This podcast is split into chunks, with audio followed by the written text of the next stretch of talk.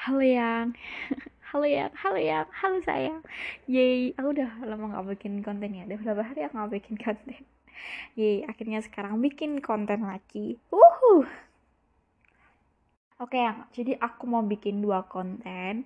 Nah, tapi aku bagiannya satu saat. Ini konten pertama. Terus nanti konten kedua aku kirim lagi. Mungkin malam setelah kita telepon atau nggak itu.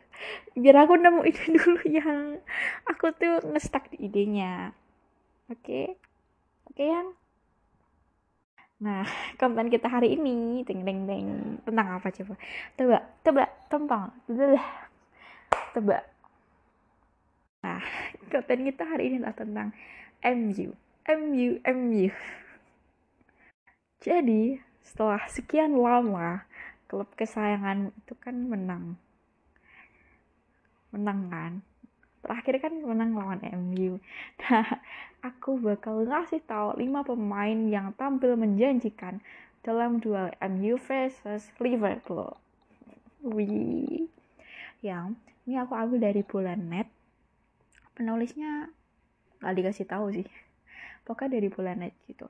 Jadi aku ngambil di Google menurut pendapatnya dia ya berarti kalau nggak sesuai sama menurutmu maafin maafin maafin lagi. Ya bener maafin aku dan marahin yang membuat yang oke okay, yang.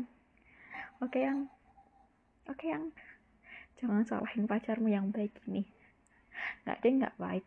Aku sering itu nyakitin kamu secara nggak langsung. Maaf ya sayang.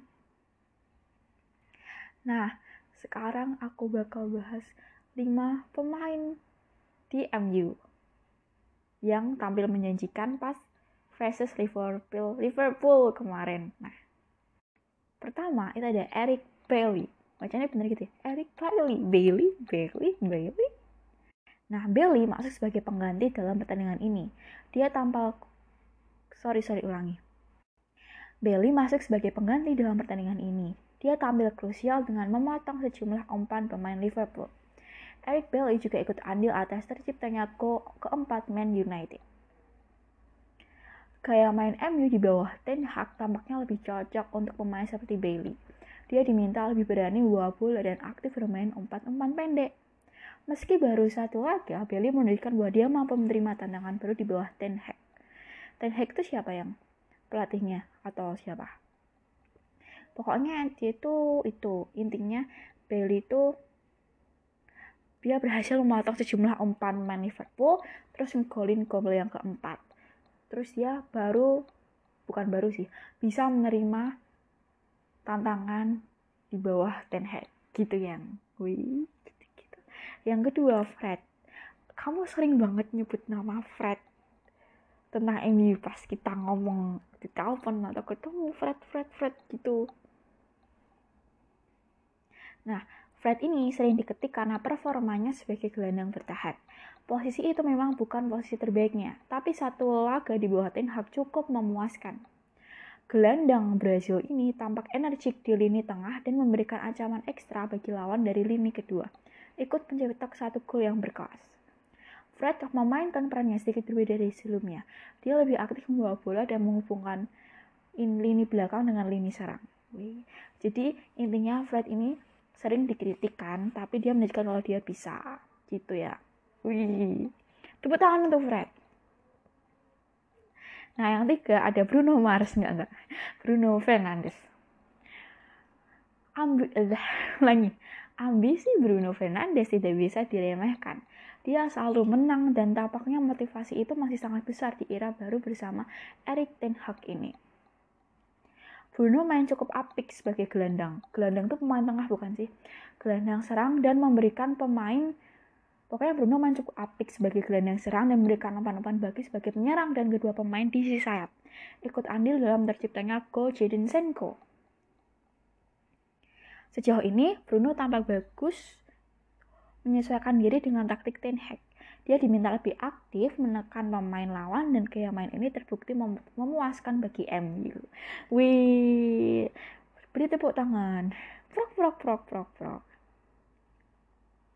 Terus ada Jenko, Jenko lagi, Jaden, Jaden Senko, gitu, Senko, Jaden Senko. Bacanya benar nggak?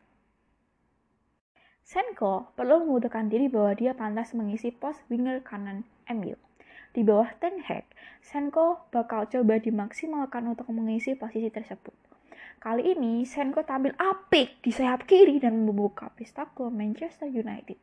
Ia kerap mengancam pertahanan Liverpool dengan kecepatan lari, dribble, dan pergerakan yang cerdas.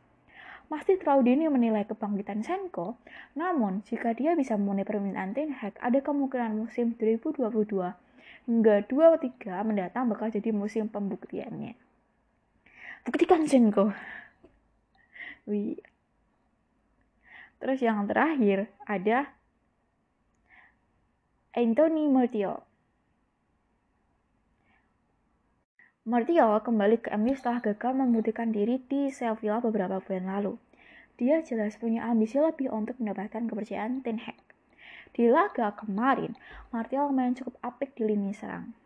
Sempat tampil di tengah dan kiri, tapi kemudian mencetak gol berkelas dari sayap kanan. Performa Martial cukup mencuri perhatian, khususnya dalam bekerja keras menerapkan garis tekan tekanan tinggi ke barisan bek lawan. Wih, gitu si Anthony ini ini ini ini oh dia tuh habis dari Sevilla pindah klub atau gimana atau gagal di pas pertandingan di Sevilla atau dia tuh pindah di klub di Sevilla atau gimana? Hmm gimana yang? Oke okay, yang. Sekian konten hari ini. Lima ada itu lima. Lima pemain yang menjanjikan di MU versus Liverpool kemarin. Hmm, semoga kamu suka yang. Aku bakal deng ngasih konten lagi habis ini. Oke okay, oke okay, oke.